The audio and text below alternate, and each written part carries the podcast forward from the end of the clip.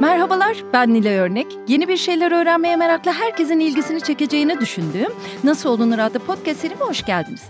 Bu seride mikrofonu mesleklerini ustalıkla icra ettiğini düşündüğüm insanlara yöneltip onlara aynı soruyu soruyorum. Nasıl olunur? Bu bölümde konuğum hem başarılı bir girişimci hem de yatırımcı Fırat İşbecer. Hoş geldin Fırat. Hoş bulduk Nilay. Fırat'ı tanıyorum çeşitli sosyal ortamlardan ama girişimcilik konusu da bana uzak zannederdim. Aslında ne kadar hayatımızın içinde hani böyle startuplar, girişimcilik deyince sanki başka bir evrenden bahsediyormuşuz gibi. Ama biz bunu şimdi Fırat'la çok basit şekilde anlatalım istiyorum. Kaç yılı doğumlusun, nerelisin, ailen nereli ve sizin girişimcilik abinle birlikte yatırımcılık mevzunuza bir girelim. Oradan başlayalım isterim. Tabii çok teşekkürler Nilay. Ben 1980 yılında İstanbul'da doğdum. İlk ve orta öğrenimi de İstanbul şehrinde yaptım. Bir devlet ilkokulundan Yeşilköy Hamdullah Süpi Tanrıöver İlkokulu'ndan. Aa, bildiğim bir yer. Evet Yeşilköylüyüz. Özel okullar sınavını kazanıp Robert Kolej'e gittim. Bana tabii çok katkısı oldu. Hem oradan elde ettiğim bilgiler, İngilizce, arkadaşlarım, vizyon. Bir gazetecilik hayalim vardı. O yüzden Galatasaray Üniversitesi'nin İletişim Fakültesi'nde devam ettim eğitimime. Hmm. Orada birkaç sene okuduktan sonra bu mesleğe çok fazla heyecanlı olmadığıma karar verdim. Niye? Yani o zamanlar Hürriyet gazetesinin e-yaşam ilavesinde teknoloji yazıları yazıyordum. Teknolojiyle o yaşlarda bile çok yakından ilgilendiğim için yani gazetecilik yapmaya çalışırken bile teknoloji odaklı bir gazetecilik yapmaya çalıştım ve orada birazcık da markaların kontrolü altında bir yapı hissettim. Bir de markaların oradaki kuvvetini görünce yani bu çok büyük işte telefon markaları, televizyon markaları, elektronik markaları, internet o zaman daha yeni yeni çıkıyor bunlar. Dedim ki aslında yani iş şirketlerde yani ticaretin içerisinde bu büyük şirketler gerçekten hem teknolojiye yön veriyorlar hem teknolojinin nasıl aktarıldığını da yön veriyorlar. Yani gazeteciler burada değerli bir görev icra ediyorlar ama onların da gerçek anlamda yönlendirmelerini ve teknolojik olarak gözlemlerini sağlayan şirketler değil. Ya ben bu teknolojiyi aktaracaksam aslında birazcık daha firma tarafında olmam gerektiğine karar verdim. O esnada Galatasaray Üniversitesi dolayısıyla Fransa'da çeşitli master programlarına başvurma şansım oluşmuştu. Sorbonne Üniversitesi'nden jeopolitik üzerine bir master programına kabul aldım ve iki sene boyunca Paris'te yaşadım. Bu esnada hem o Hürriyet Gazetesi'nin e-yaşam ilavesinde teknoloji yazıları yazıyordum. Hem eğitimimi devam ettiriyordum. Hem de o esnada İstanbul Teknik Üniversitesi fizik mühendisliğinden e, yeni mezun olma yolunda olan, olmuş olması gereken abimin startup'ında, o zaman startup demiyorduk bu 2000'li yılların başı olduğu için bilmiyorduk yani. Hani bir ne iş, diyordunuz o bir zaman iş kurduk gerçekten? abi falan işte. Şirket kurduk, şirketimiz diyorduk. Dışarıdan pazarlama, satış faaliyetleri konusunda destek veriyordum. İşte içerik içeriklerin hazırlanması, satış dosyalarının hazırlanması gibi. Master'dan sonra bir süre Paris'te kaldım. Bir düşünce kuruluşunda 6 ay çalıştım. O da çok hoşuma gitmedi. Biraz kendimi yabancı hissediyordum Fransa'da. Hep böyle laf dönüp dolaşıp işte Türk arkadaşımız geldi Paris'te bizde çalışıyor falan diye. Hep böyle bir hafif kibar ama ayrımcılık hissediyordum. O esnada ortaklarıyla yol ayrılığına gitmek istedi abim. Ben de işimden istifa edip sana en son ortak olarak katılabilirim dedim ve biz mevcut ortakların hisselerini satın alıp ikimiz 2006 yılında o zamanki ismiyle Pozitron yolculuğuna tam gazla çıktık fizik mühendisliği okuyan birinin bulabileceği bir isim diye düşünüyorum. Pozitron nereden geliyor? Oradan mı geliyor? İstanbul Teknik Üniversitesi Fen Edebiyat Fakültesi'nin kantininde kurulan bir firma olduğu için çok fazla isim alternatifi yok zaten. Pozitif yüklü elektron evet. aynı zamanda işte Asimov'un pozitronik beyin o zamana göre de zamanın ötesinde güzel bir isimdi. Bence Pozitron güzelmiş. o yıllarda çok yeni yeni doğmaya başlayan bir alanda faaliyet göstermeye başladı.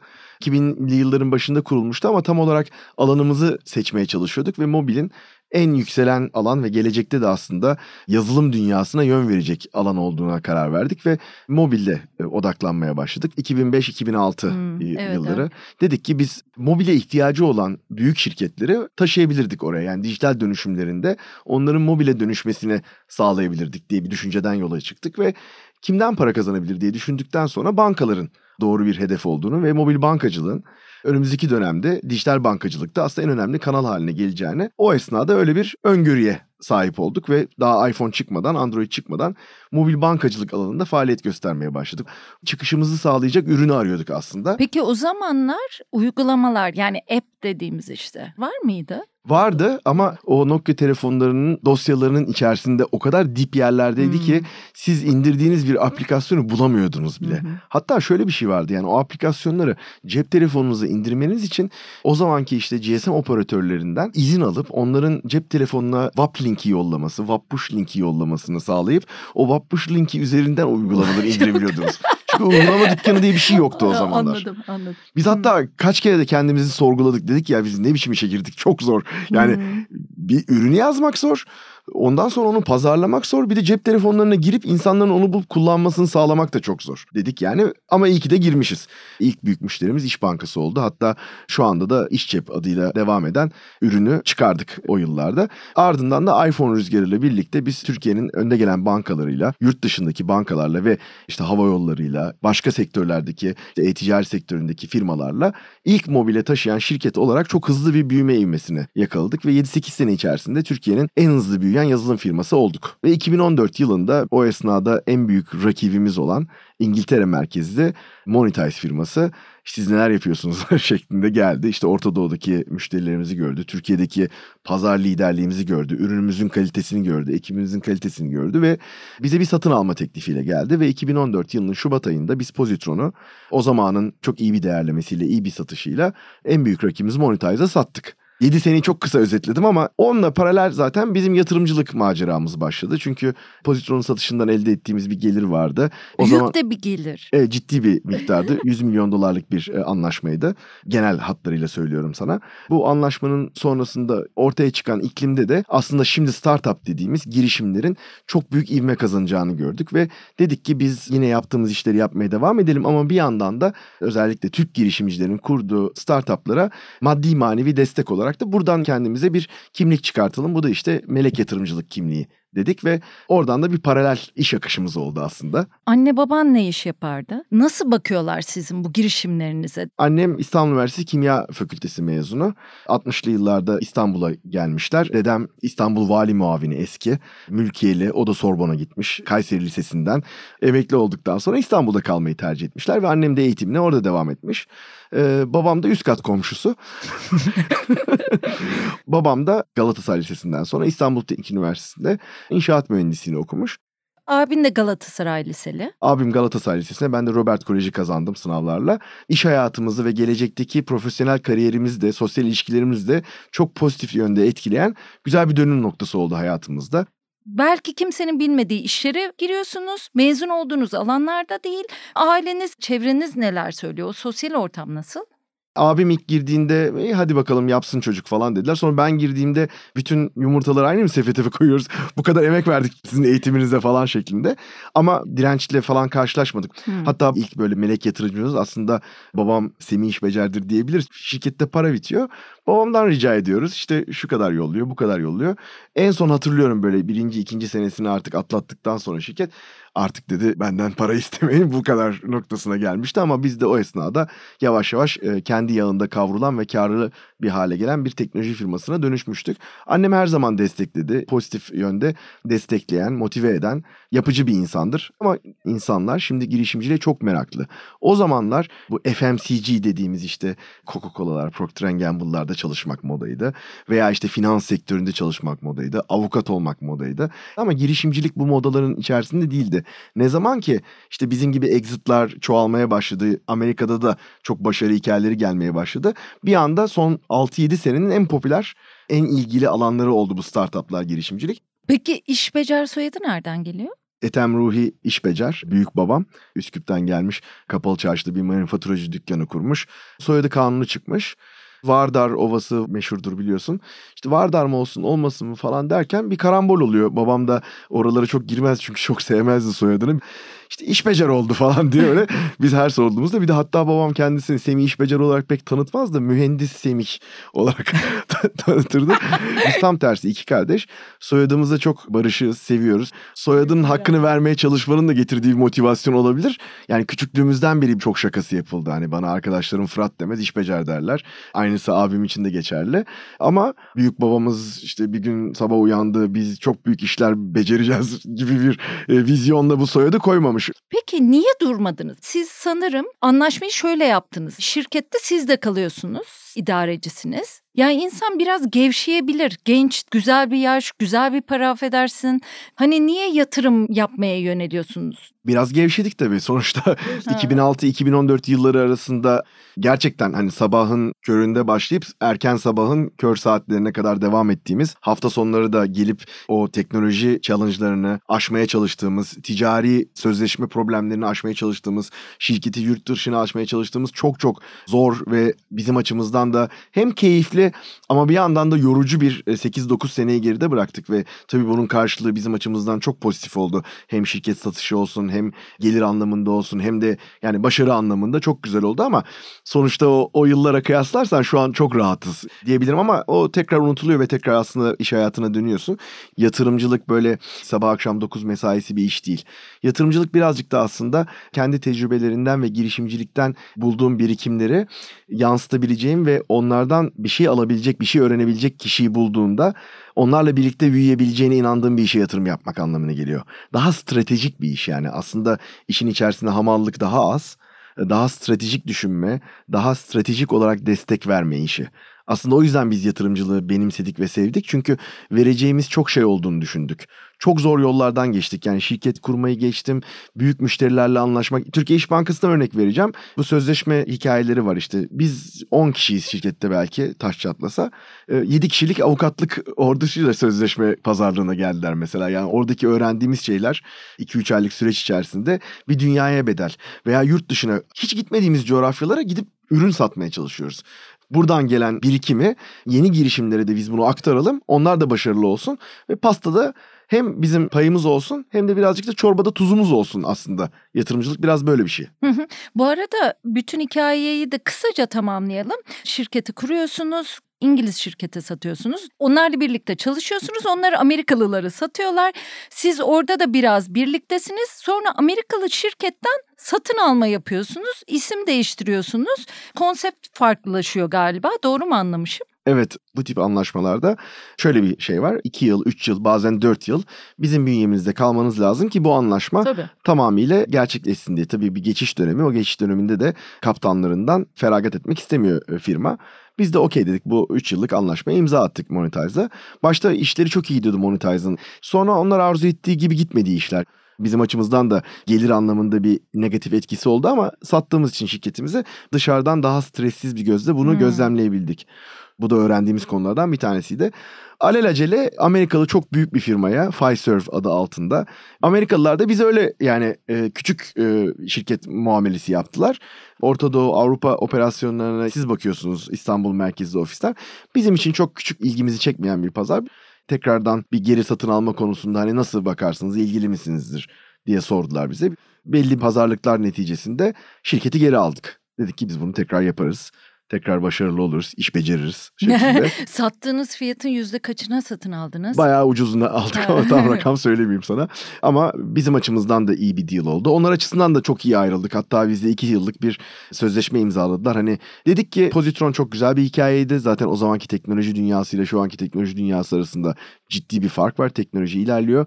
Orada başka bir ürünümüz var falan filan. Biz bunları tek bir çatı altında buluşturalım commences. This is where your digital transformation commences. Yani burada dijital transformasyonunuz, dönüşümünüz başlar gibi bir isimle, commences ismiyle şirketi tekrar lanse ettik diyeyim sana. Dijital dönüşüme odaklanan yine bankacılık sektöründe, sigortacılık sektöründe, hava yollarında dijital dönüşümü sağlayabilecek bir firma olarak konumladık. Peki bu büyük firmalar dijital dönüşümlerini tamamlamadılar mı hala ya? Bu sonsuza dek sürecek bir süreç. Hmm. Yani ilk başta belli dijital dönüşümler oluyor. Dijitale taşınıyorlar. Başlarda yüzde bir, yüzde iki, yüzde beş kullanıcı seni dijital kanallardan takip ediyor veya kullanıyor. O rakam 2020 pandemisiyle birlikte 70-80 oranlarına çıktı. E ne oluyor? Senin alternatif kanal olarak dediğin dijital dönüşüm aslında ana Mecburen. kanalın haline geliyor. Yani bankalardan örnek vereyim sana. Mobil bankacılık 70-80 85 trafiklere yüzde olarak ulaşıyor. O yüzden dijital dönüşüm başlayan bir şey ama hiç bitmeyen bir şey. Ve sürekli de ihtiyaçları olan bir şey. O yüzden bizim gibi firmalara ihtiyaçları oluyor. Tekrardan bunu tasarlamak açısından, yeni kanalları açılmak açısından, daha hızlandırmak açısından, daha kullanıcı dostu hale getirmek açısından, sunucularını buluta taşımak açısından sonsuz bir döngü dijital dönüşüm aslında. Şimdi bu girişimcilik mevzunu biraz daha kavrayalım. Biz geçenlerde Fırat'ta bir yerde jüri üyesiydik. Brothers Hayata Karışanlar platformunda kadınlara mentorluklar veriliyor. Onlar çeşitli gruplar oluşturuyorlar. Belli girişim fikirleriyle geldiler. Nevzat Aydın da bizimle birlikteydi. O da değerlendirmeleri yaptı. Onunla da girişimciliği konuşmuştuk. Orada çok farklı bakış açıları da gördüm. Enteresan geldi. Onun için de gelsin istedim Fırat bize anlatsın senin bloğuna yazdığın daha sonra da bir konuşma haline getirdiğin bir tezin var diyeyim. Yani oradaki meseleleri tek tek birazcık konuşalım mı? Güven sorunu diye başlıyorsun. Bugün nasıl sence bu durumlar? Şöyle aslında insan psikolojisi ve insanlar arasındaki ticaret ilişkileri öyle 3 günde 5 günde 5 yılda değişecek şeyler değil. Bunlar on binlerce yılın dinamikleri aslında. Tabii. O yüzden blogda yazdığım o startupların ölmesine neden olan 12 sebep pek de değişmedi açıkçası. Hatta e, bazı alanlarda daha da güçlendi, daha da kuvvetlendi. Çünkü insanlar güven konusunda eskiden daha küçük topluluklarla insanlar etkileşim içerisine giriyorlardı. Şimdi çok daha büyük topluluklar etkileşim içerisine giriyor. Güven işi daha da önem kazandı. Hı hı. E, çünkü hiç aynı şehirde bile bir araya gelmemiş insanlar ortaklıklar, şirketler kurabiliyorlar. Hmm. Özellikle dijitalin ve internetin e, sağladığı şeyle veya işte kulaklarına kulaklıkları takıp joysticklerini alıp bir takım oyunuyla online oyun oynayıp rakibi alt etmeye çalışıyorlar. Hayatları boyunca birbirlerini görmemiş insanlar ama birbirlerine güveniyorlar ve bunu para karşılığı yapıyorlar ve oyundan para kazanmaya, ödül kazanmaya çalışıyorlar. Veya bir şirket kuruyorlar, dijital pazarlama yapıyorlar hep beraber. Veya hiç patronunu görmediğin bir şirketin sen İstanbul'daki elemanı oluyorsun. Mesela şirket Singapur'da kurulmuş ve patronlar Singapur'da. Çok uzak şeyler söylüyorsun ve, ve şu anda. Zoom'dan bir iş görüşmesi evet. yapıyorsun. Sanal bir sözleşme imzalıyorsun. Hayatı boyunca ofisine gitmeyeceğin bir şirketin elemanı oluyorsun yani. O yüzden buradaki kontratlar, sözleşmeler, karşılıklı güven bunlar çok çok daha büyük önem kazanıyor. Dünyada da zaten bunları tesis etmiş ülkeler, şirketler ve insanlar başarılı olacak diye düşünüyorum ben. Bu komplikasyonları çözmek için ilk başta bir güven aşılamak lazım. Bu arada ben diğer maddeleri de sayayım. Tabii yani ki. onlar üzerinden konuşalım. Bence çok güzel. Bir, güven sorunu. Yani başarısızlık nedenleri. O da işte ortakların birbirine güvenmemesiyle alakalı. Mesela Pozitron'da 3 ortak ve tık ve tabii daha küçük ortaklarımız da vardı. O güven bir ekip çalışmasıyla biz o kadar başarılı olabildik. Yani onu yazarken aklıma gelen de hep böyle gerçek hayattan tecrübelerim de var yani. O yüzden onların hepsini yazdım. Evet birer satırda özetleyeyim istersen. Diyorsun ki güven sorununda mesela iş veya sosyal hayat fark etmiyor. Güvenin olmadığı yerde müşterek herhangi bir başarıdan bahsedilemez. Cahil cesareti bu hepimizin bildiği bir durum. Türkiye'de çoğu girişimci ezbere iş yapıyor. Sektörüne tam olarak hakim değil diyorsun. Yanlış ortaklıklar. Bu kısmı uzun uzun anlatmama gerek yok diyorsun ama bunu sen anlatırken izledim de o anlatımını Türk filmlerinden örnekler veriyorsun. Aslında Türk filmleri de hayatımıza nasıl sirayet etmiştir diye. Onları izleyince bile pek çok Kemal Sunal filminden yola çıkalım mesela. Ortaklar aslında çok komiktirler, birbirlerini severler. Biz de o karakterleri severiz ama hep birbirlerini birbirlerini de kazıklarlar bir şekilde yanlış ortaklıklar. Öz girişim trendi bunu mesela şöyle anlatıyorsun. Mahallede yeni açılan kardeşler kuru yemişçisinin yanına hemen bir kuru yemişçi daha açıp öz kardeşler kuru yemiş demek üzerine bundan özellikle bahsetmek isterim. Cihangir taksi, öz Cihangir taksi, öz öz Cihangir taksi Çok sık gider. kullandığım ben Cihangir'de yaşarken kullandığım taksi tabii, durakları Tabii hepimiz biliriz bunu. Tamam Hesap süper. kitap sıkıntısı bu çok önemli. Evet. Sözleşme veya mevzuat korkusu. Daha benim ikinci bölümde bahsetmişizdir nasıl olunur içinde. Zeynep Atakan, Nuri Bilge Ceylan'la yaptıkları evlilik sözleşmesini andıran ön bir sözleşmeden bahsetmişti ve pek çok inşi insanı ne kadar güzel demişlerdi bana. Yatırımcıyı kaz gibi yolmak, icraatın dışında kalmak, yanlış ürün ısrarı, hızlı büyümeyi yönetememek, tutkunun ötesine geçememek, şeffaflık sorunu. Çok güzel bu şeffaflık sorunu zaten her konuda ele alabileceğimiz bir durum. Güvenden biraz bahsettik mi? Yani güven apayrı bir podcast bölümü olacak kadar önemli bir konu aslında. Cahil cesareti de şöyle aslında. insanlar tez canlılığı böyle girişimcilikte yani bazen iyi bir şeydir bazen de çok kötü bir şeydir. Çünkü para, zaman ve itibar kaybediyorsunuz. Zannetmeyin ki o travmadan da çok çok kolay kurtuluyorsunuz. Yani öyle girişimi batırmak da çok da kolay bir şey değil böyle. Herkes diyor ki işte çabuk gir ve çabuk başarısız ol hani fail fast falan hikayesi. Onlar insan psikolojisini çok etkileyen şeyler. Özellikle 30'lu yaşlarınızda, 40'lı yaşlarınızda öyle yani iş kurdum, başarısız oldu. Bunlar yenilir yutulur işler değil. Psikolojik olarak da sizi etkiliyor. Aileniz, çocuklarınız varsa da etkiliyor yani. Cahil cesaretine dikkat etmek lazım iyi bir araştırma yapmak lazım. Kafanızdaki ürün veya hizmetin bir pazara hitap edip etmediğini bilmeniz lazım. İnsanlar çok rakibi olan, benzeri olan alanlarda girişim yapmaya çalışıyorlar ve ona sorunca ya böyle bir şey var zaten deyince de biz daha iyisini yaparız diyorlar. Onlar yapamıyorlar diyorlar. Bazı işlerde mesela COBİ'lerde bunu görüyorum. Mesela dijital dönüşümünü tamamlayamamış COBİ'lerde dijital yaklaşımla giden COBİ'ler daha başarılı oluyor. Mesela Instagram'ı daha iyi kullanan bir berber atıyorum. Çok kötü bir örnek belki ama diğer sadece sokaktan geçenleri toplamaya çalışan berberden daha fazla müşteri sahibi oluyor. Instagram da aslında bakma dijital, dijital bir strateji. Yani küçümsememek lazım. Birçok şey var yani Kobilerin bile dijitali kullandığı noktada çok fazla rekabet olan bir ortamda bir adım öne çıkması mümkün.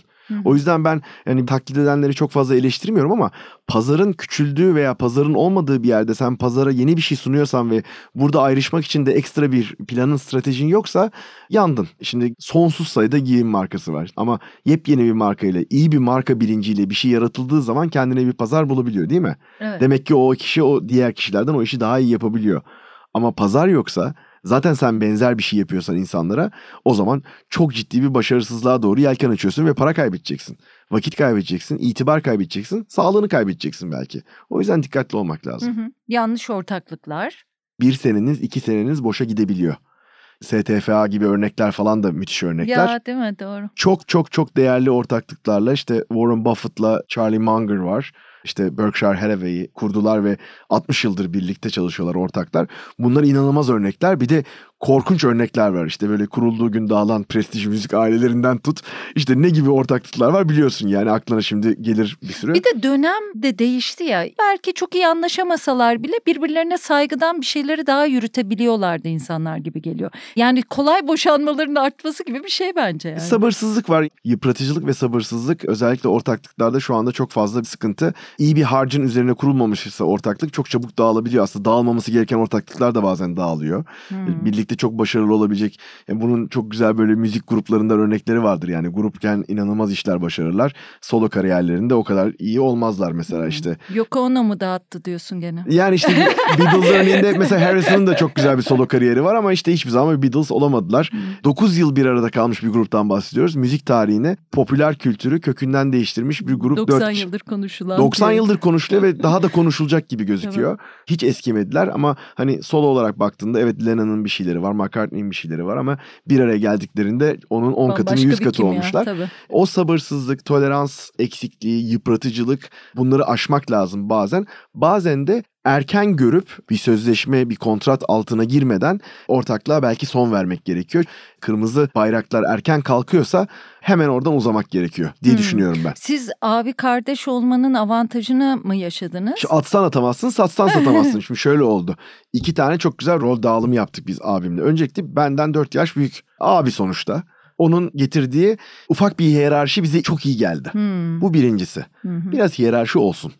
İkincisi benim tutkulu olduğum ve sevdiğim alanlarda o daha az tutkulu ve daha az seviyor. Benim daha nerd böyle birazcık daha ukala olduğum ve ilgilendiğim alanlarla o daha az ilgileniyor. Onun alanlarını ben çok sevmiyorum. Acayip tamamlayıcı olduk. Hmm. Üçüncü ortağımız vardı. O da teknoloji alanında harikalar yarattı. Yani CTO rolünde. Dediğim gibi daha ufak ortaklarımız da vardı şirkette. Güzel bir e, yapı kurduk. Sıkıntı olduğu zaman da hani hep bunun esprisini yapıyorum. Böyle işte ombudsman olarak annemle babama da gidiyorduk.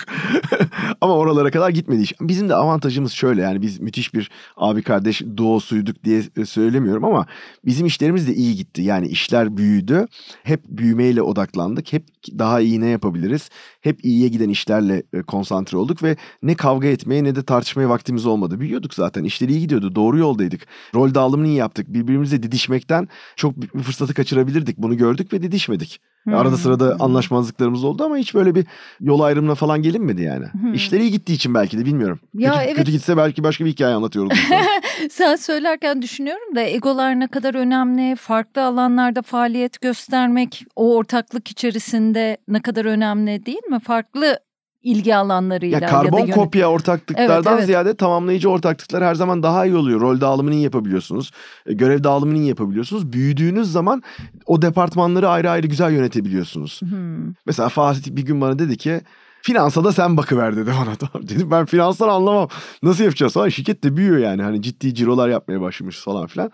Finans direktörümüzü şu anda CFO'muz olan Yasemin'i alana kadar ben baktım finansallara iki sene ve bata çıka öğrendik. Sosyal ortamda belki çok iyi değilsiniz bir arada. Birbirinize saygınız var ama farklı alanlarda beceriler gösteriyorsunuz. O belki daha mı iyi?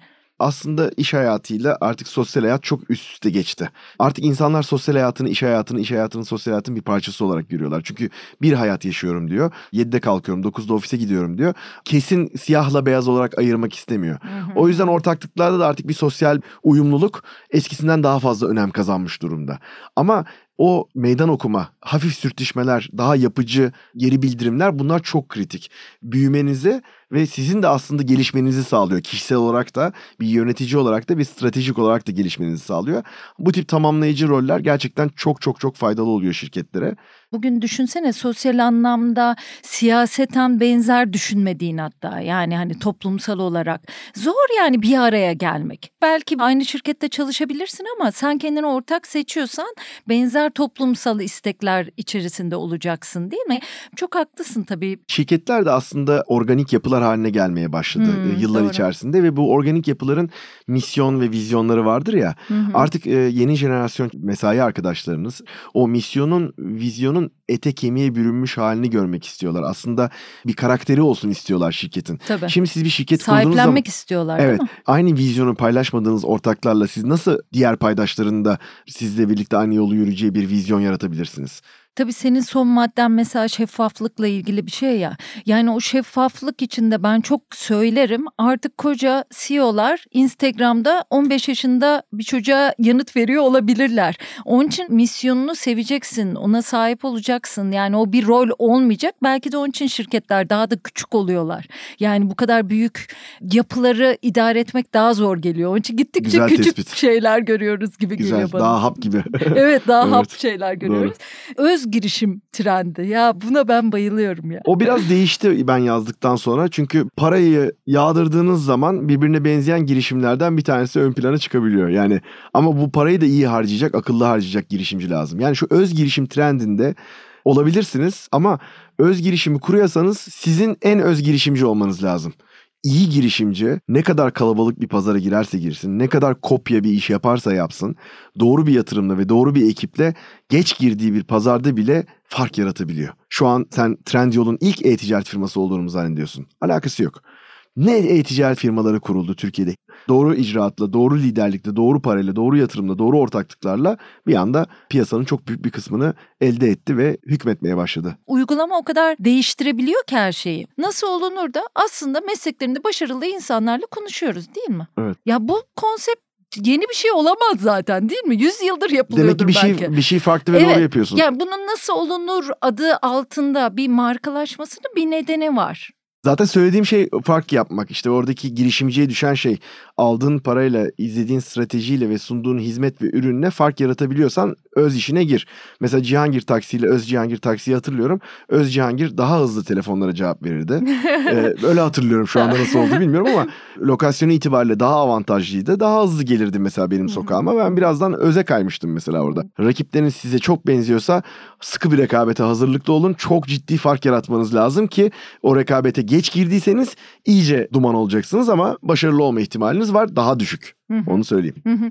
Benzerini yapmak saçma ama şimdi benzeri var diye yani bu zaten yapılmış diye de bunun daha iyisini yapmaktan sakınmak da saçma ya. Evet diyorum ki eğer orada bir fark yaratabileceksen sen mimari bir site kuruyorsun. Türkiye'nin 100. mimari sitesi belki ama ben editoryal gözümle ve o içerikle o farkı yaratacağım Bambaşka ve kendime bir şey bir kitle bir Evet, topluluk yaratacağım diyorsan gir o işe. Evet. Ama diyorsan o bu mimarlık web sitelerinde iyi para varmış ben de gireyim. Çok güzel bir noktaya geldin. Para var mı? Varsa hemen gireyim. Bu popüler Kolay bir para alan. yok. Evet. Kolay para şöyle var. Şanslı olmak lazım, ilk olmak lazım. O da çok böyle insanlara hayatta bir kere gelen bir fırsat. Bazen de hiç gelmiyor o fırsatlar. Ama ilk olsanız ve şanslı olsanız bile o ilk olmanın avantajını çok iyi değerlendirmeniz lazım. İkinci gelip sizi geçebiliyor çoğu yerde. Peki o durumda bir girişim yaptın. Sonra aynısının benzeri yapıldı ama o daha aktif, daha girişimci, daha çok sesi çıkıyor, daha ünlü biri yaptı vesaire. O zaman ne yapacaksın? İlk Cihangir Taksin ne yapmalı? Ee, Valla güzel bir soru. Ya böyle butik olarak devam edeceksin ölçeklenmeden kendi nişini yaratıp Hı. başarılı olabilirsin. Hı. Şimdi dünyada kurulan her iş, her girişimci, her şirket illa milyar dolar değerleme ulaşacak diye bir kaide yok. Yani anlatabildim mi? Sen bir kere o yolculuğu yürümek istemiyorsun. Sen ölçeklemek mi istiyorsun şirketini? Yoksa çok küçük işletmelerin çok başarılı olduğu ve hepimizin tanıdığı girişimler var. Bazı restoranlar var hiçbir yerde şubesi yoktur ama herkes bilir Türkiye'de. Veya İstanbul'da insanlar bilir. Ama bazı restoranlar vardır bin tane şubesi vardır. Yani senin için pek fazla bir şey ifade etmez ama çok para kazanıyordur. Artık bir ticari başarı haline gelmiştir. Bunlar hep seçenek. Hı hı. Sen Hı bu yolu yürümek istiyor musun? Yürünecek yol çok. Yani her yol unicorn olmak zorunda değil. Veya halka açılmak zorunda değilsin. Taklitler aslında yaşatır gibi bir şey söyledi Oh, ya. Neyse. yo, yo söyledi söyledi. Ya taklit edilen olmak ilk önce başka insanların gözünden güzel gelebilir ama şöyle bir şey. Sen bu işi yarattıysan atıyorum nasıl olunur yaptıysan ondan sonra taklit edilince atıyorum sen 100 program 200 program yapmışsın taktiği bırakamıyorsun ki sen eski sevgilini değiştiremezsin. Çok güzel bir kelime var İngilizce'de benim sevdiğim moat. Hmm. M-O-A-T. Hı. Bu kaleler hendek kazılıyor karelerin etrafına. Hani timsahlar koyarlar ya içine bazı western filmler şey falan filan. Startuplara sorarlar sunum yaptıklarında biz sorarız yani yatırımcı olarak. What is your moat? Yani senin etrafındaki senin kalene girilmesini engelleyen hendeğin nedir şeklinde. Hmm, Sen de hmm. o soruyu kendine sorman lazım. Tabii. Veya bir girişim Çok girişimi güzelmiş. kurduktan sonra benim kazdığım timsahlı hendek nedir? İnsanların giremeyeceği, kaleme giremeyeceği şey nedir? Benim ben yapan nedir? Çalışma azmi olabilir, işte patent olabilir, fikri mülkiyet olabilir, teknolojiyi kullanmak olabilir, acayip bir yaratıcı bir şey olabilir, yaptığım bir yazılım olabilir, her şey olabilir. Şahane bak çok güzelmiş. bu. Bulunduğun lokasyon olabilir. Hmm, hmm. Yani o pastane Taksim meydanındaysa o pastane kötü bir pasta satsa bile o trafikten dolayı para kazanıyor anlatabildim mi? O pastane aslında pastane işinde değil. O emlak işinde o pastane. Önünden geçen insanların 100 kişiden ikisi giriyor zaten. sana ne gibi sorular soruyorsunuz bir girişimci geldiğinde diye soracağım. İlk önce bunları bitirelim. Hesap kitap sıkıntısı bu önemli bir mevzu tabii Bu ki. Türkiye'deki finansal okuryazarlıkla ilgili ben biraz dikkat çekmeye çalıştım. Bunun çok ciddi bir şekilde irdelenmesi lazım. Maalesef biz e, finans konusunda zayıfız. Girişimcilerimiz de zayıf. Ve Avrupa'ya gittiğin zaman yaratıcılıkta çok zayıflar ama finans finans dedim mi hepsi iyiler. Hoş yeni jenerasyon bütün dünyada çok kötü de o konuda. Buna dikkat çekmek istemiştim. Hı hı. Sözleşme ve mevzuat. Şöyle girişimcilikte aslında hesap kitap da sözleşme mevzuat da bunun içerisine giriyor. Girişimi kuran insanlar işin seksi tarafına daha fazla odaklanıyorlar ve daha az seksi kısımlarıyla ilgilenmiyorlar. Nedir bu sözleşme? Ay şimdi 10 sayfa sözleşme geldi. O sözleşme senin hayatın. Hı hı. O sözleşme belki senin şirketinin içine girecek ilk TL, dolar neyse paranın ileride nasıl gireceğine karar veren, tayin eden bir anlaşma. O kadar önemli ki. Senin böyle işte ben ürüne odaklandım, ben teknolojiye odaklandım, sözleşmeye sen bak falan gibi bir lüksün yok. Hı hı. Sen tek girişimciysen, iki girişimciyseniz iki ortak veya birinizin bunu çok iyi bakması lazım, okuması lazım, anlaması lazım. Anlamıyorsa da anlayan birine sorması lazım. İşte o noktada arkadaşlarımızın, avukat arkadaşlarının olması, bir çevresinin olması, daha önce bu işleri yapmış, sözleşmelerden anlayan bir çevresi olması çok büyük bir avantaj. Hmm. O yüzden hani okullar, eğitimler Türkiye'de işte çok elitist görülüyor bazı şeyler ama bunlar önemli.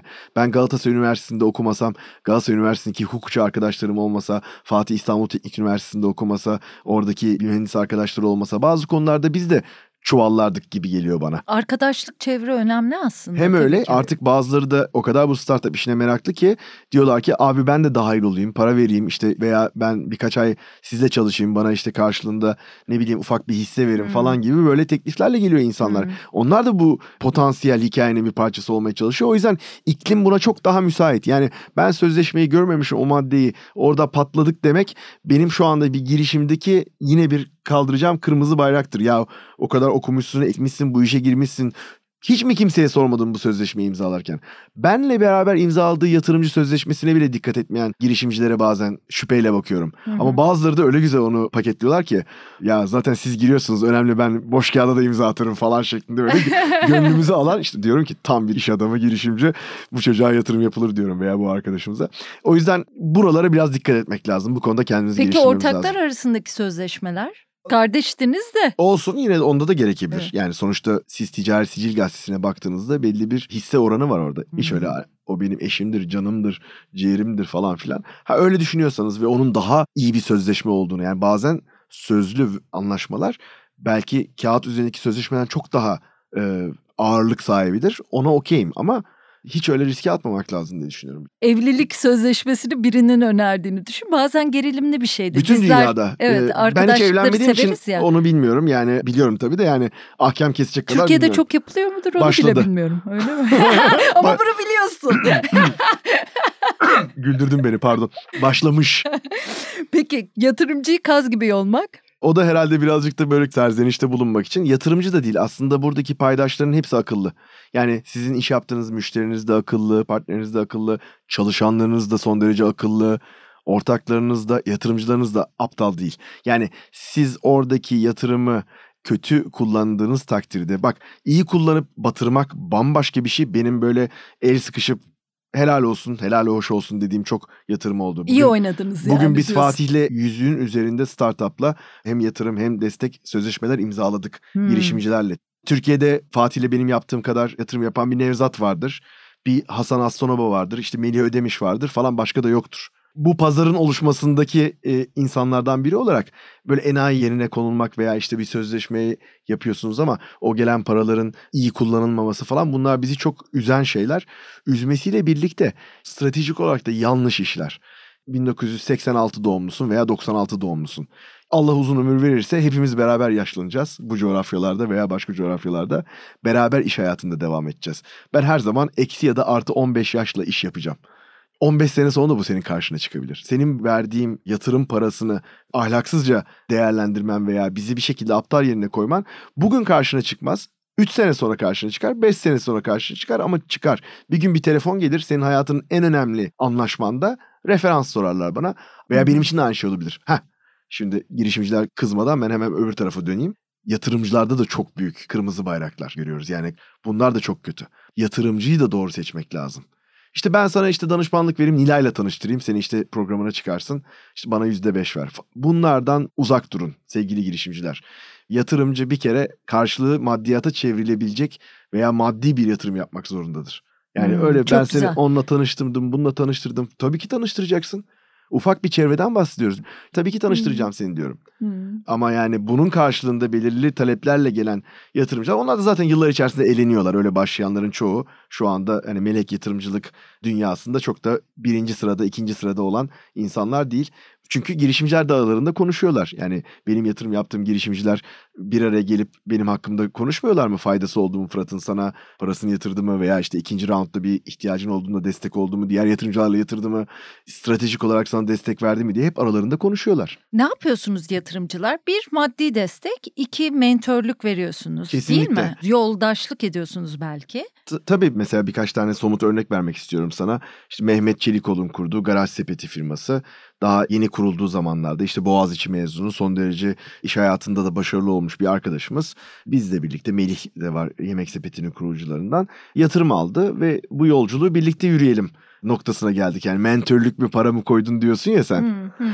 Tabii ki para koyduk. Bir kuruluş sermayesi lazım ve sermaye sonuçta çoğu para. İkinci el otomotiv sektöründe işte pazar yeri dediğimiz böyle SAS firması da kurma niyeti vardı işte otomobil işlerinde. Bir anda kendimi ben onun işte danışma kurulunda buldum böyle. Stratejiler geliştiriyoruz. Ben de otomotiv sektörüyle ilgili fikirlerimi paylaşıyorum. Şirket büyüdü, yatırım aldı. Bizden başka firmalardan yatırım aldı. Daha kurumsal yatırımlar almaya başladı ve pandeminin ortasında bir tane Meksikalı firma yine Garaj Sepeti'nin benzeri bir firma satın almak için kapısını çaldı Garaj Sepeti'nin. O süreçte de birlikteydik. 50 milyon doların üzerinde bir değerlemeyle Garaj Sepeti Kavak'a satıldı. Koyduğumuz paranın da daha da yükseğini katlayarak geri aldık. Bir başka örnek daha vereyim sana. Positron ve Monetize zamanlarında çok başarılı proje yönetiminin başında, PMO ofisimin başında Duygu vardı. Duygu daha sonra eşiyle birlikte bir startup kurdu. Fine Dine Menü diye.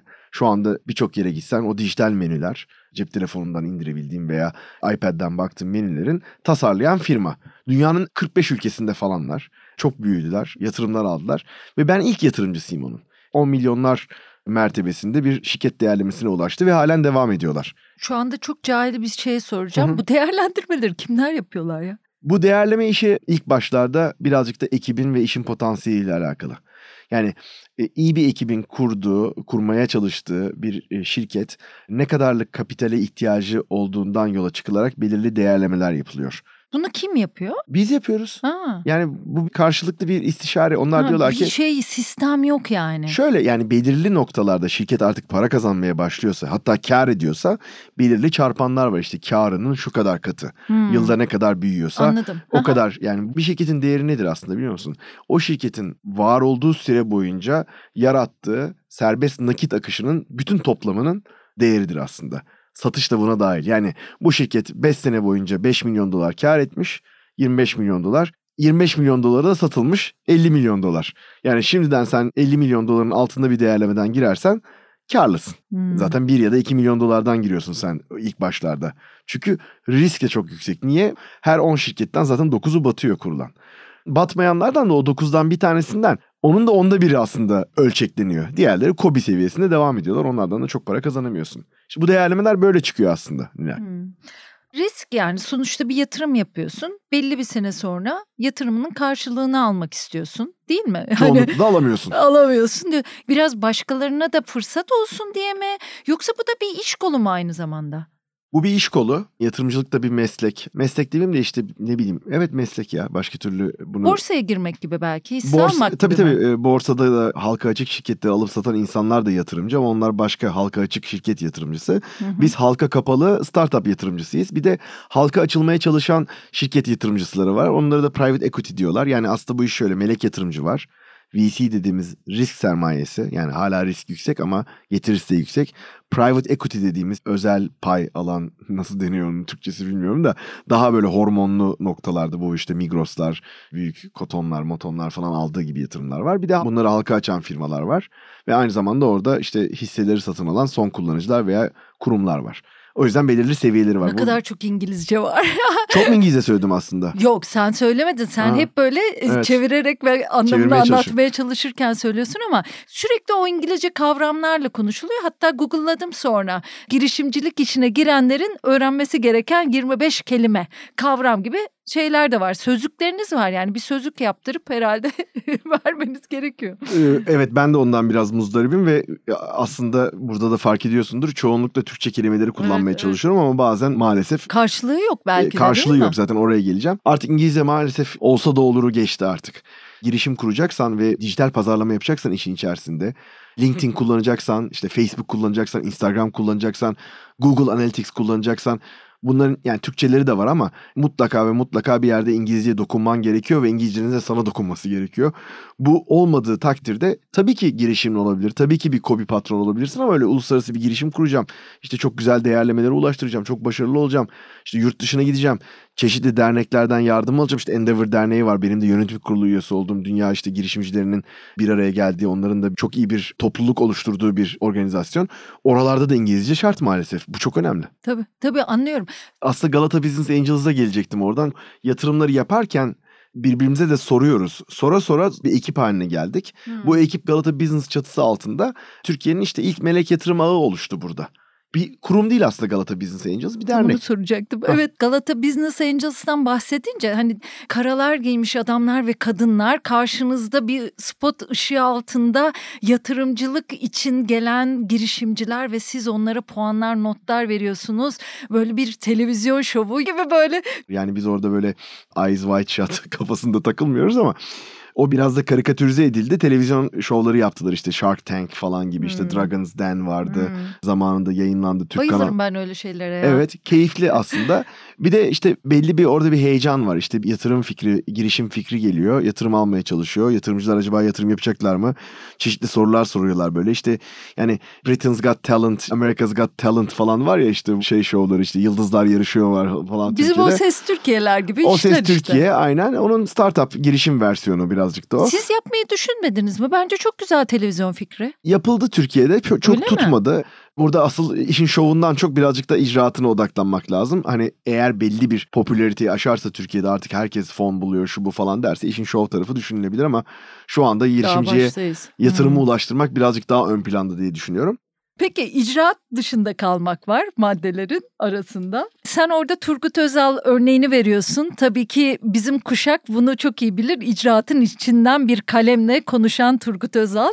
Şöyle diyorsun bir girişimi kurmak veya hayata geçirmek kolay değil. Ancak o girişimin işleyen ve icra eden bir kurum haline gelmesi kuruluş aşamasından belki de beş kat daha zor. Evet öyle yani bizim startupçılık oynama huyumuz var birazcık da.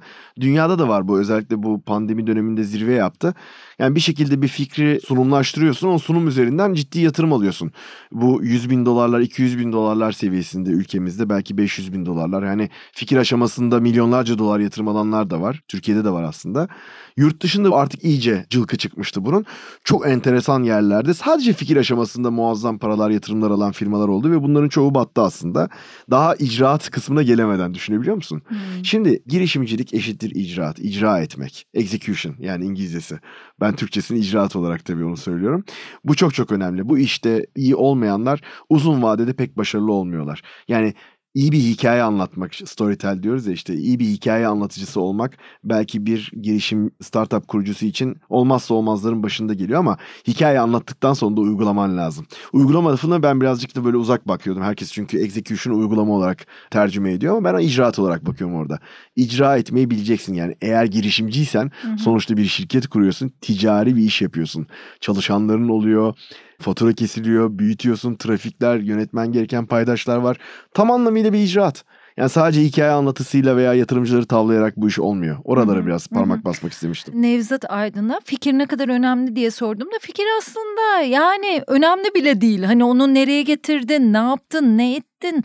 Onun için de sana soracağım. Bunlar yapılmaması gereken 12 şey belki ya da dikkat edilmesi gereken 12 şey. İyi bir girişimci olmak için bunlara dikkat etmek lazım. Bunu cebimize koyalım.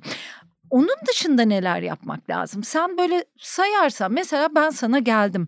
Nelere dikkat ediyorsun? Kriterlerin neler? Bir kere belki de kişiliğin bile seni etkiliyor. Tabii canım. İyi hikaye anlatıcılığım etkiliyor. Belki çevrenden benim hakkımda bir soruşturma yaptın.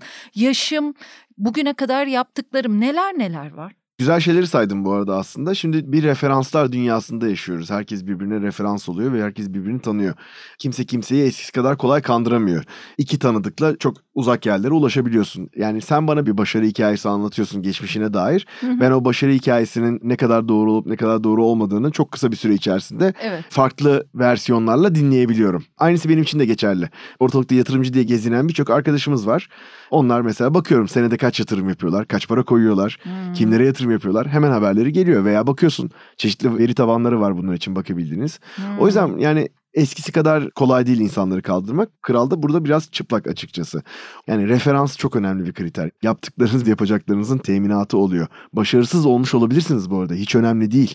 İlla hep başarılı gitmek değil. Önemli olan aslında sizin işe yaklaşımınız ve işe olan ciddiyetiniz de burada bizim sorguladığımız şeylerden bir Tutku ne tanesi. kadar önemli? Çok çok önemli. Tabii ki çok önemli. Yani bir toplantıya girersiniz. Hiç ilgili olmadığınız bir alanda öyle güzel bir vaka analizi sunar ki girişimde bir anda o konuyla ilgilenmeye başlarsınız. O konuya yatırım yapmak istersiniz. Öyle çıkarsınız toplantıdan. Hmm. Tutkuyla birlikte matematiksel yaklaşmak, araştırma yapmak, hazırlıklı olmak, dersini çalışmış olmak. Hazırlık. Hazırlık çok önemli. Yani araştırma yapmadan dalıyorsunuz mesela o işlere.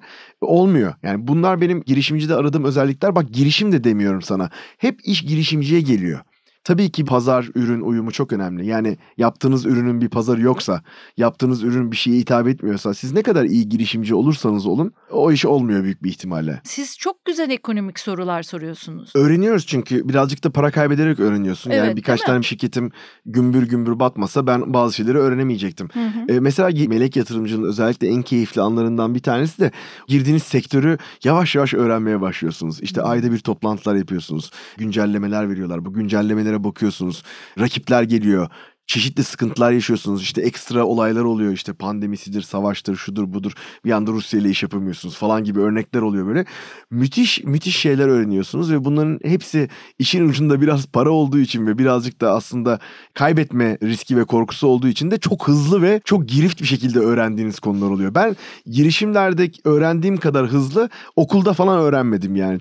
Aman paramız batacak, eyvah şirket şu bu falan derken veya çok iyi gidiyor. Daha iyi nasıl yapabiliriz bu işi? Daha iyi nasıl beraber birlikte büyütebiliriz de düşüne düşüne düşüne düşüne o sektörlerde neredeyse yarı uzmanlık seviyesine geliyorsun. Yani şimdi sen bana bazı sektörlerde soru sor. Ya Fırat'cığım senin ne alakan var? Sen teknoloji sektöründe dijital bankacılık yapan adamsın. Otomotiv sektöründen ne anlarsın? Pazar yerinden ne anlarsın? Niye anlıyorsun sen bu işlerden diye sorarsan bana ben zamanında bu şirketlere yatırım yaptım. Bunların hepsini adım adım takip ettim. Para kazandım, para kaybettim. O yüzden öğrendim diyebilirim sana. Evet, para kaybetmek çok önemli bir öğretici. Bir de böyle bazen her gün kaybediyorsun. Şimdi şöyle bir şey var. E işte oraya 100 bin TL yatırım yaptım, bekliyorum. Öyle bir şey yok bu. Yani hmm. vadeli mevduat hesabı değil. Hmm. Yani 100 bin TL koyuyorsun, biraz daha paraya ihtiyacı oluyor. Rahmetli babamın bize para verdiği gibi. İlk verdiği parayla kurtulamadı babam bize. ikinci, üçüncü, dördüncü kere para vermek zorunda kaldık. Ta ki biz öğrenene kadar Şirket kendi yağında kavrulana kadar. Bu işlerde de öyle. 100 bin TL'yi koyuyorsunuz. Bir 100 bin daha gerekiyor. Bir 200 bin daha gerekiyor. Başka yatırımcının gelmesi gerekiyor. Bazen de kapatmak gerekiyor. Daha fazla yakmayalım diyorsun. Veya benim şu anda bu kadar verecek param yok diyorsun. Ben bunu bu kadar riske atamam diyorsun mesela. Bazı güzel başarı olabilecek hikayelerde öyle bitti Türkiye'de. Kapital eksikliğinden bitti. Türkiye'deki hmm. öyle sıkıntılarımız da var bizim. Yani oralara gelirsek. Yani Amerika'daki, İngiltere'deki, İsrail'deki kapitale hiçbir şekilde bir bağlantımız yok. Yani var ama onların onda bir, yirmide bir düzeyinde. Ya bir de Türkiye'de çok şey çok hızlı değişiyor ya. Yani kuralların olmadığı olsa da herkese eşit uygulanmadığı bir piyasa var bir taraftan. Kanun kural işte bizim borsaya bak yani her şey evet, bir evet. yana. Yine yani borsa evet riskli olması işte depremi olur iki gün unutulur başka senin anlayamadığın kurallar kanunlar gelir değişir böyle bir alanda yatırımcı olmak çok zor ve kaygan bir zemin ekstra kaygan bir yatırımcı zemin olmayı geç yani girişimci borsa, olmak borsaya ya da işte. kote şirketim var yani yatırımcı mesela 100 bin lira giriyor tamam mı o şirkete Mesela 100 milyar TL'lik şirketin bir günde borsada 90 milyar TL, 80 milyar TL'ye düşüyor. Dolar bazında 2 senede mesela 1 milyar dolardan 300 milyon doları düşüyorsun. Yani onun getirdiği stresi yatırımcılarına da hesap vermek zorundasın. Düşünebiliyor musun? Yani şöyle özetlemek gerekiyor aslında. Dediğin gibi Türkiye'de ticaret hukuku iyidir. Yani ona kötü diyemem ama bazı diğer e, eksiklikler dolayısıyla hukukta hukuk devletinin e, insanlardaki yarattığı güvenin artması neticesinde çok çok daha iyi yerlere gelebiliriz aslında. Biz şirketi ilk sattığımızda Türk mahkemeleri üzerinden bir anlaşma üzerinden hani hiçbir zaman İngilizler buna takılmamıştı. E şimdi 10 sene sonra geliyoruz şirket birleşme ve satın alma işlemlerinde o tutturuyorlar katiyen hani Türk mahkemeleri olmasın falan diye. Ne değişti 10 yılda? Ya buralara biraz bakmamız lazım. Buraları biraz iyileştirmemiz gerekiyor. Yani 10 sene önceki iklimden şu ana geldiğimiz iklim daha aleyhimizde. Neyse ki biz girişimciler olarak hep böyle olaylara güzel pratik çözümler geldiğimiz için işte yurt dışında da bazı yapılar kuruyorsun mesela. Onlarla birlikte başarı hikayesine imza atıyorsun. Yatırım oraya geliyor. O şekilde satın alma işlemleri yapıyorsun. Türkiye'de kote olmuyorsun. Çok güzel hikayeler var. Oyun firmaları bunu çok güzel başardı Türkiye'de. Yabancı sermaye Türkiye'ye geldi. Direkt yatırım yaptı. Teknoloji firmalarının satılıp Türkiye'ye yabancı sermaye girişi sağladığı dönemler geçirdik son yıllarda. Bu da bizim sektörün aslında büyük bir başarısıdır. Zorluklara rağmen de yeni çözümler bularak oyunun içinde kalmasıdır aslında. O açıdan da ben çok takdir ediyorum bizim hmm. sektör özellikle. Tabii. Peak Games falan değil mi? Çok büyük başarıları Peak var. Peak Games, Dream var, Gram Games var. Oyun sektöründe bayağı sayabilirim sana zaten. Alictus var en son. Onlar da 100 küsür milyon dolar değerlemeden yatırım aldılar falan çok çok başarılı olduk oyun sektöründe. İşte e-ticarette başarılıyız. Getir'in şu anda bayraktarlığını yaptığı 15 dakikada teslimat sektöründe çok başarılıyız. Fintech alanında başarılıyız. En yakın arkadaşlarımdan biri İspanyol. Gelmişti ve McDonald's'ı evinize mi getiriyor? Böyle mi getiriyor? Evet. Ya evet getirir bizde. Yani onlar için hani evine bir şey getirilmesi mevzu çok acayip. Biz bazen çok rahatız aslında bazı Tabii tabii yani şimdi yemek sepetine bakıyorum. 2000'li yılların başında 2000 yılında kurdu Nevzat Melih'le birlikte. O yıllarda motokurye ile kapına yemeğin geliyordu. 23 sene önce, 22 sene önce Amerika'da falan bunlar yoktu yani. Varsaydı da çok niş yerlerdeydi. O yüzden Türkiye'nin de bazı mucide olduğu güzel şeyler var. Bu kurye işinde bayağı öncüyüz aslında. hani ne kadar iyi ne kadar kötü tartışılır ama Türkiye'nin girişimlerinin Türkiye'nin girişimcilerinin dünya piyasasına büyük katkıları var. Türkiye ekonomisi şu anda dünyada 20. olabilir. Türkiye'nin işte gayri safi milli hasılası dünyanın %1'inin altına düşmüş olabilir. Son yıllardaki düşük sıralamalarda olabiliriz. Ama girişimcilikte öyle değiliz. Girişimcilikte daha üst sıralardayız. Abinle birlikte yapıyorsunuz Hı-hı. Fatih'le birlikte bu yatırımları. Bir sepet mi oluşturuyorsunuz? Mesela yemek sektöründe bir firmaya yatırım yaptınız. Bir tane teknoloji şirketi. Hisse sepeti.com. Hayır ne bileyim işte hani bankada yatırım yaparken öyle denir ya. Faize yatırırsın, bir dolara yatırırsın, çeşitlendirirsin. Evet. Sen öyle mi yapıyorsun yoksa fikirler seni heyecanlandırıyor? Ona göre mi yapıyorsun? İki yemek şirketine mesela ya da işte restorana yatırım yapar mısın? Mısın? Şimdi iki yemek şirketi zaten birbirlerinden haberi olması lazım. Öbür türlü e, yani centilmenlik dışı olur yani. Hmm. Herkes okey dediği takdirde okeydir ama ben kendim ona Anladım. çok fazla rahat hissettirmiyorum ama benzer alanlarda yatırım yaptıklarımız da oluyor. Çeşitlendirme de şöyle ben oturup böyle hani Warren Buffett usulü bir sana temettü ödeyen firma olsun, bir tane teknoloji firman olsun, bir tane işte Amerika pazarında firman olsun, bir tane Avrupa pazarında olsun gibi çok böyle stratejik bakamıyorsun. Çünkü startup karşına çıkan e, çok daha tekil fırsat. Hisse piyasasındaki hisse senetleri arasından seçmiyorsun. Hı hı. O girişimci o gün o noktada sana ihtiyacı var ve sana gelmiş. Bu ara diyoruz ki son kullanıcıya giden işlere çok fazla yatırım yapmıyoruz. Niye? Dijital pazarlama maliyetleri uçtu. Google'la Facebook'u zengin ediyoruz. O yüzden mesela işte pazar yerlerine falan ben eskisi kadar sıcak bakmıyorum. Yani böyle paternlerim var ama müthiş bir girişimci, müthiş bir pazar yeri fikriyle gelirse değerlendireceğiz yani. Çünkü gerçekten orada o fırsat var.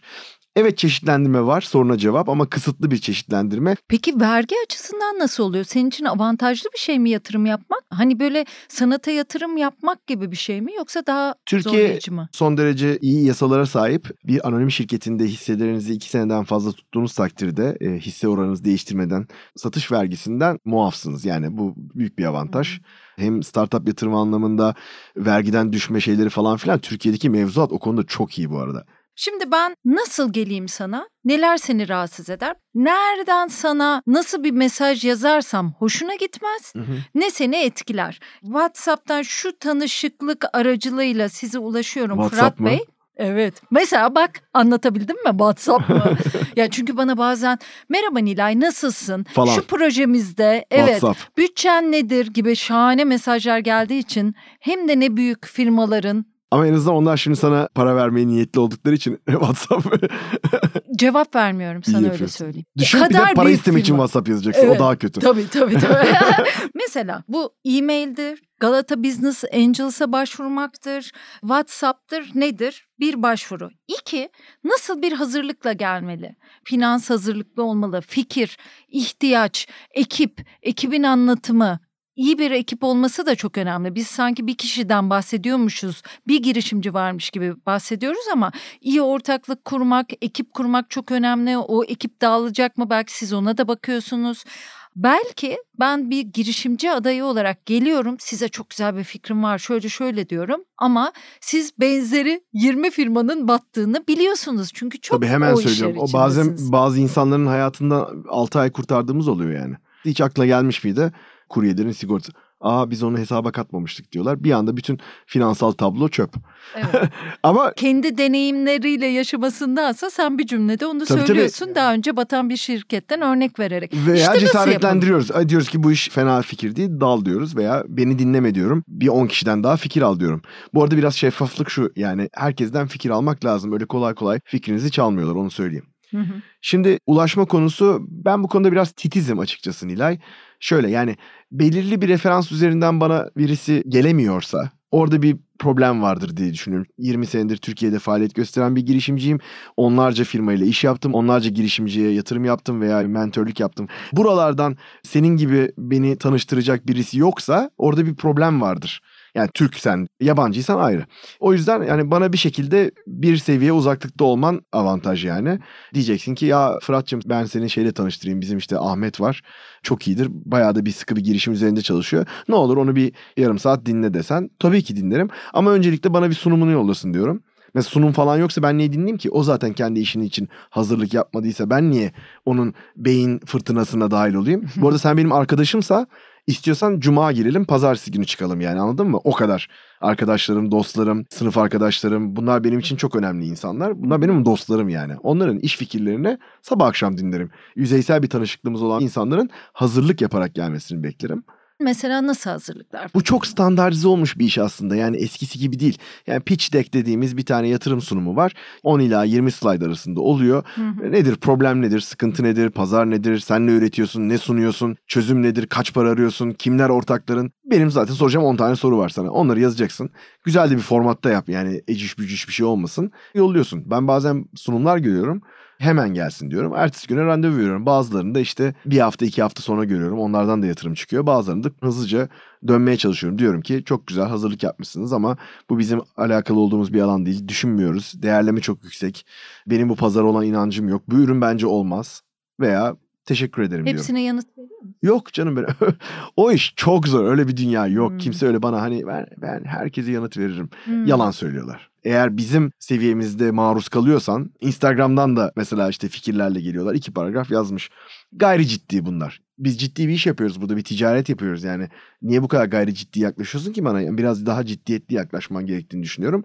Ben normalde çok esprili, çok eğlenceli, çok da hayatı hafife alan bir insanım birçok konuda ama yani benim vaktim, senin vaktin, iş, ticaret yani bunlar biraz daha ciddi ve ciddi kanallardan yapılması lazım. Sen benim çok samimi arkadaşımsın Nilay. Instagram'dan bana yazıp mesela ya Fırat ya bizim aklımıza bir fikir geldi. Cuma buluşalım mı desen hemen koşa koşa gelirim. Ay, o ayrı. teşekkür ederim. Ama yani çifte standart ama falan diyecek birisi. Yo sen benim arkadaşımsın. En kötüsü bir içkini içmiş olurum. Yüzünü görmüş olurum anladın mı? Hmm. Ve sohbet etmiş oluruz. Vaktimiz çok değerli yani. Sen tabii daha realistik bir insansın. Bakınca da onu görebiliyorum. Abin de muhtemelen öyle. Ee, ama O daha da realist. sonra diyecektim Yok, de yok, o onun- kadar tanımıyorum onun da o derecede hayal- ama bana hayalperest duruşlarını kız- söyle yani. Hayalperest kısmı da vardır aslında. Mesela ürün konusunda, Hmm. fikir konusunda. Hmm.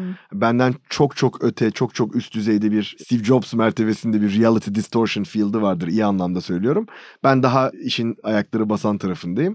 Ama onun da hardcore realist olduğu durumlar da vardır. Kendimi sizin yerinize koyuyorum. Daha işte 30'lu yaşlarında 100 milyon dolar gibi bir fiyatla insanlar size baktıklarında dolar, TL görüyor olabilirler. Nevzat bu kadar başarı hikayesi maddi şeylerle yazıldı. Yani burası Norveç değil. Herkesin maaşı çok açıkta olsun, şeffafta olsun. Yani para miktarı önemli. Merhaba diyen sana milli piyangoda bir şey kazanmışsın gibi bakabilir ya. Bunun sizde nasıl bir his yaratıyor? Ben olsam çok zor bir hayatı yaşardım ama siz daha bunları kaldırabilecek insanlarsınız. Biraz da Tabii iş yani bir de o sonuçta yani o para ertesi gün hesabına EFT yapılan bir şey değil yani. Ve çalışmaya devam ediyorsunuz. çeşitli paydaşlarla paylaşılan bir şey bizim ortaklarımız vardı. İşte birlikte bir yolculuğa çıktığımız insanlar Hmm. vardı. Ne bileyim Ibiza'ya gidip böyle. O kadar oluyor canım yani. O geçiş bizim için daha şey oldu. Yok sizin için değil. İnsanların size bakışı. Bilmiyorum, yani değişmiş, sen tabii canım değişmiştir diye tahmin ediyorum. barda onlarla fıstık yiyen bir insansın. Sonra da senin hakkında haberler çıkıyor. Çıkıyor evet yani evet ama işte o zaman dostlarını bak utanıyorum bu konulara girince. Evet görüyorum Ee, ya fiziksel olarak gördüm aynen, aynen. sandım. Yani dostların falan burada zaten güzel bir litmus test oluyor yani o işte. Hani kağıdı suya sokarsın asidikse e, rengi değişir ve bazikse değişmez ya. Güzel bir litmus test oluyor bizim için. Katalizör evet tabii. Evet aynen. Yatırımcıyla melek yatırımcı arasındaki fark ne? Melek yatırımcı çok daha erken aşamada, tohum aşamasında, tohum öncesi diyoruz hatta böyle artık onu gübre aşamasında. Kendi esprisine gülen birisi olarak. gübre veya tohum aşamasında yatırım yapıyoruz biz. Herhangi bir yatırımcı hisse senedi alıyorsun. Emlak topluyorum veya dükkan topluyorum. Sen de yatırımcısın. Yani melek yatırımcıyla yatırımcıyı ayıran şey bu. Yani Daha bir- olmamış bir şey işte gübre, tohum. Gübre tohum. Melek yatırımcılığın yani angel investing'in içinde o angel lafı da var. Yani bu kadar erken aşamada birisi bana yatırım yaptı. Melek Ne midir nedir falan. Ben daha tohum yatırımcı seviyorum. Bir sosyolojik analiz de imkanı bu. Özellikle Türk halkından başlayarak dünyanın neleri sevdiğini, neleri kabul etmediğini de görüyorsunuz. Para onu da gösteriyor ya, bunu satın aldılar deriz ya. Neler yükseliyor? neler yükselmesi beklenirken aslında yükselmedi gibi bir analiz yapıyorsundur değil mi? Tabii tabii yani dünya şeye doğru gidiyor. Armut piş ağzıma düş. Yani insanlar bütün hizmetleri, ürünleri hmm, çok hızlı bir çok şekilde ayaklarına evet. gelsin noktasında ve bunu hızlandıran, kolaylaştıran her şey çok değerlendi. Hmm, yani çok güzel. evine gelen yemekten tut, lojistik, e-ticaret hepsi aslında ayağına gelsin. Yani Hı-hı. armut piş ağzıma düş. Hatta yemek yapıp da gönderiyorlar ya. Hı-hı. O bile onun içerisinde oluyor aslında. Cep telefonu da aslında bu yurt dışına gittiğin zaman bir dili öğrenmeye çalışmadan işte tabelaları tercüme edebiliyorsun veya sana yolu tarif ediyor. Yaşamdan dakika çalmanı sağlayan işler bana zulüm gelecek dakikalarımı azaltan her türlü uygulama, şirket çok büyük değer kazandı. Bankacılık da böyle. Şimdi her şey çok pahalandı ya. bir türlü hesap edemiyorum e, pazara ne kadar nakitte gitmem gerektiğini. Bildiğim Beşiktaş pazarında herkese kolay EFT mi bir şey yapıyorum. Pazarcıların IBAN'ı dolu tamam mı? Evet, evet. Son kullanılanlarıma bak. Onlar da vergisini veriyor bu arada falan dermişim. Basit örneklerle şey yaptım. Daha fütüristik bir noktaya gidersek tabii şu andaki yapay zeka devriminin hayatımız hayatımıza çok daha merkezden gireceğini düşünüyorum. Zaten bunu herkes söylüyor ve görüyoruz hayatımızda.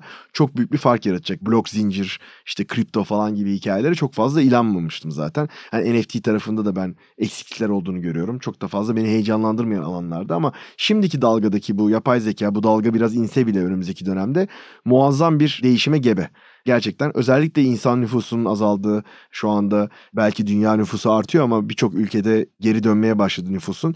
Ciddi bir nüfus sorunu yaşayacağımız bir döneme girdiğimizde yapay zekanın bizim elimizdeki işlerin bir kısmını alması çok önemli bizim açımızdan. E, robotların da aynı şekilde. Çünkü birçok iş için insan bulamıyoruz. Yani Kuzey Avrupa'ya gittiğiniz zaman şu anda tren istasyonlarında insanlar yok.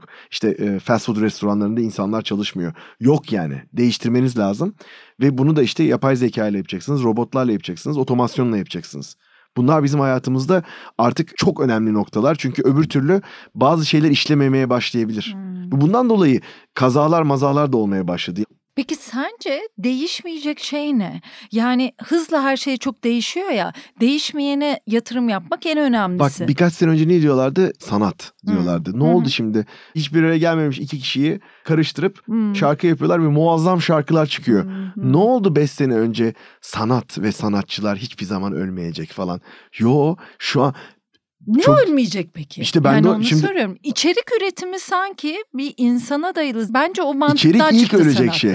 Hmm. İçerik, peki sen medyaya da yatırım zaten. yapıyorsun ne alandaki medyaya yatırım yapıyorsun? Medya ne mesela podcast yapıyorsun? benim çok ilgi duyduğum bir alan. Podcast alanında bir yatırımım var. Yani podcast firması diyeyim sana yani bir podcast Yapımcı yayındır. Firma. Yapımcı firma. Hani bunların çünkü bir şekilde bir araya getirildiği bir çatı platformlara ihtiyacı olduğunu düşünüyorum. Hı. Yani bu tip organizasyonel işler belki birazcık daha geç yok olacak ama şu an ne kalacak hayatta ne olacak? Yani yediğimiz yemek belki şu anda hmm. değişmeyecek bir tek o değişmeyecek bir süre diye düşünüyorum. O da değişebilir ama şu anda böyle gıda dışında her şey her an değişebilir. Evet içeriği değişebilir ama yememiz uzun süre değişmeyecek. Yani yemeğe ihtiyacımız evet. ya da keyif alıyoruz çünkü bir de ondan. Keyif alıyoruz. Ee, o bir seremoni. Ee, hmm. İşte restoranlar falan belki bir süre değişmeyecekler. Çünkü oradaki insan sosyal faktörü yani insanla insanın zevkle etkileşimde bulunduğu alanlar. Mesela tiyatro öldü diyoruz ama aslında hiç tam olarak ölmeyecek gibi düşünebiliriz. Çünkü insanlar onu istiyor istiyorlar, görmek istiyorlar, onun bir Başka parçası olmak istiyorlar. Başka şekillerde hayata giriyor ya. Mesela Hı-hı. tiyatroda öyle, radyoculukta öyle. Evet. Şu anda yaptığımız aslında bir radyo. Evet. Yani öldü denilen bir sistemin aslında devam ettiğini bir şekilde görüyoruz. Ve bir anda belki daha da arttı. Eskisi gibi bir radyo programını 10 milyon kişi dinlemiyor ama hmm. 5000 radyo programını toplamda 20 milyon kişi dinliyor hmm. belki de podcast olarak. Hmm. O yüzden form değişikliği oluyor. Çok ciddi bir formda değişiklik var. Mecrada çok büyük değişiklik oluyor. Bunlara hazırlıklı olmak olmak lazım ve değişim olduğu zaman ilk hareket etmemek lazım belki. Çünkü ilk hareket edenler hata da yapabiliyorlar ama değişimi iyi yakalayıp o dalgayı iyi takip etmek lazım. Çünkü genelde değişimi ilk götürmeye çalışan insanlar çok masraf yapıyorlar doğru değişimi hmm. yakalamak için. Yani Türkiye'deki ilk internet portallerinin harcadığı paraları, ilk internet servis sağlayıcılarının harcadığı paraları hatırlıyorsun. Hmm. İlktiler, çok vizyonerdiler ama yüz milyonlarca dolar battı. İlk olmak her zaman çok zor. Çok zor iş. Bir de sen anlatıyorsun o kavramı. Sen öğretmeye Pazar çalışıyorsun. Pazar yaratıyorsun. Bak of. o kadar aslında iyi biliyorsun ki yani bu benim sektörü başta hani benim en ilgili olduğum alan değil diye başladın ama aslında o kadar iyi biliyorsun ki bir pazar yaratmak dünyanın en zor şeylerinden bir tanesi. Olmayan bir pazar. Biz mesela mobil bankacılıkta gittik bankaları teker teker bunu anlattık ve olmayan bir pazarı yarattık. Bizim için çok zordu. Bir daha yapar mısın? O eforu ben kendimde bulamam. Ne yapıyorum? Onu yaratabilecek girişimciye yatırım yapıyorum. O yüzden ben zaten aslında yatırıma biraz yapıyorum gibi düşünebilirsin. Böyle. Nasıl iyi yatırımcı olunur? Nasıl iyi girişimci olunur? Programın içinde aslında bunları konuştuk ama özetlersek. Buradaki cevabım çok böyle heyecan verici bir cevap olmayacak ama zamanla oluyor bu iş. İyi bir yatırımcı olmak için bazı şeyleri görmüş olmak, zamana da bırakmak gerekiyor ve deneyerek, tekrar ederek olunuyor bu iş. Erken başlarsanız erken yaşta uzmanlaşıyorsunuz. Geç başlarsanız o yatırımların geri dönüşünü görmeden bu hayattan göçebilirsiniz. Bizim taraftan bahsediyorum ben. Birikimle, bilgiyle, tecrübeyle ve tekrar ede ede yatırımcı olunuyor. Hı hı. Hangisinde daha iyisinizdir? Abin de sen de. Sonuçta bir şirketiniz var onu idare ediyorsunuz. Fatih kesinlikle girişimcilik tarafında çok daha iyi. Yani bir şeyi sıfırdan başlatıp kurma, inşa etme tarafında çok iyi. Ben onu idare etme, yönetme ve para kazanabilme sanatında biraz daha iyiyim. Yatırımcılık tarafında ben daha hevesliyim. Ama fikirleri anlayıp onları tartma ve fikirlerin potansiyelini görme konusunda o daha iyi. Ben girişimcileri anlama konusunda daha iyiyim. Bak burada da acayip bir iş bölümü var değil mi? Evet çok güzel olmuş. Yatırımcılığı dediğim gibi özetleyebilirim. Nasıl girişimci olunur? Öncelikle disiplinler arası olmaktan korkmamanız lazım. Girişimci dediğin yeri geldiğinde şirketinin 1 milyon kullanıcıya nasıl ulaşması gerektiğini, 100 milyon kullanıcıya nasıl ulaşması gerektiğini ve 10 milyar dolarda Amerikan borsasında nasıl açılabileceğini hayal ederken o esnada IKEA masayı monte etmekle meşgul olmaya kendini hazırlaması lazım. Veya finans konusunda kafa yorarken e, bir anda istifa eden yazılımcının yerine o yazılımı aynı şekilde yapabilecek yol arkadaşı bulma konusunda yetenekli olmaktan geçiyor. Yani gerçekten birçok disiplini aynı anda icra eden ve bundan da korkmayan, çekinmeyen, cesur girişmekten korkmayan birisi olması lazım. Birkaç kere korkmayan dedim. Bu girişimciliğin bence temel taşlarından bir tanesi. Cesur olacaksın, gözü pek olacaksın ama bir yandan da iyi araştıracaksın, olaya bilimsel yaklaşacaksın. Hesabın kitabında doğru olacak. Cesaretin beraberinde araştırma, gözlem ve çok ciddi bir çalışma disiplini gerekiyor. Buralardan iyi girişimci oluyor. Hmm, zamanlama da önemli diye düşündüm. Şans çok önemli. Şans ve zamanlama. Yani nerede satacağını, nerede duracağını, nerede daha ilerlemek isteyeceğini düşünmek, bilmek. Bu çok güzel bir nokta aslında. Bir şeyi ne zaman satın aldığını hep düşünürsün. Yani doğru zaman mı almak için ama doğru zamanda satmak için bazen. O tip zamanlamalar işte şans da oluyor işin içerisine. Glovo firması, İspanyol firması süpermarketlerden evlere servis yapıyorlardı. 2020 Şubat ayında Türkiye'den çıktılar. 2020 Mart'ta pandemi patladı ve büyük bir ihtimalle ciroları 20'ye belki 30'a katlayacaktı. Şanssızlık yani kimse bilmiyordu. Bir ay önce çıktılar Türkiye'den. İşte o yüzden zamanlama... O biraz şans.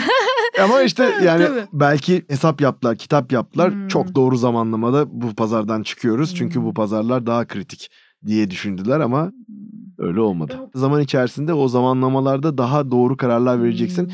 Şansı gördüğün zaman da sonuna kadar peşinden koşmak da o işte girişimcilik Hmm. biraz. Pişmanlık yaşadığın yatırım var mı? Var, var. İyi ya da kötü. Yatırım yapmamışsındır, ona pişmansındır. Yatırım yapmışsındır, pişmansındır. Yatırım yaptığım pişman olduklarımdan sadece para kaybettiğim için pişman olduğum pek olmadı. Hmm. O yolculuğu keşke o girişimciyle yürümeseydim. Hmm. veya beni sabah uyandığımda huzursuz kılan sektörde keşke bulunmasaydım. Adım böyle riskli bir işle geçmeseydi dediğim bunun hiçbiri kriminal değil yani şey. Ha, ha. Beni sadece gece uykumu kaçıran şeyler olmasaydı dediğim oldu. Ama hani paradan dolayı çok böyle pişmanlıklarım oldu ama bu dediklerim daha öncelikliydi. Kaçırdığım çok oldu. Oo neler oldu. Onlar için de ayrı ayrı bir listem var. Ee, takip ediyorum. Maşallah yani şu anki yatırım yaptıklarından daha iyi gidenler var mesela. Ya o acıklı bir şey olmalı öyle bir Ya, liste. fıtratında var bu işin. Güzelmiş. Peki Türkiye'de birlikte nasıl daha iyi yaşarız sence Fırat? Yaşıyoruz aslında Türkiye'de birlikte. Yaşamadığımızı düşünerek de aslında yaşıyoruz. Daha iyisi nasıl olur? Daha iyisi daha zenginleşmemiz, daha refah içerisinde olmamız, daha eğitime önem vermemiz, akla, bilime önem verdiğimiz, daha refah içerisinde bir toplum olduğumuzda, daha hoşgörülü, daha toleranslı bir toplum olduğumuzda müthiş bir yer olur burası. Buralarda daha iyi olmamız lazım. İnşallah öyle olur. Çok teşekkür ederim. Çok sağ ol. İyi ki geldin, iyi ki anlattın. Hızlı hızlı konuştuk ikimiz de. Hızlı konuşur, hızlı Evet. düşünen tipleriz. Çok sağ ol. Teşekkürler. Ben teşekkür ederim Nilay. Takip ettiğim, çok sevdiğim bir programın parçası olmakta benim için ayrıca bir mutluluk vesilesiydi. Bu fırsatı bana verdiğin için çok teşekkür ediyorum. Şahane.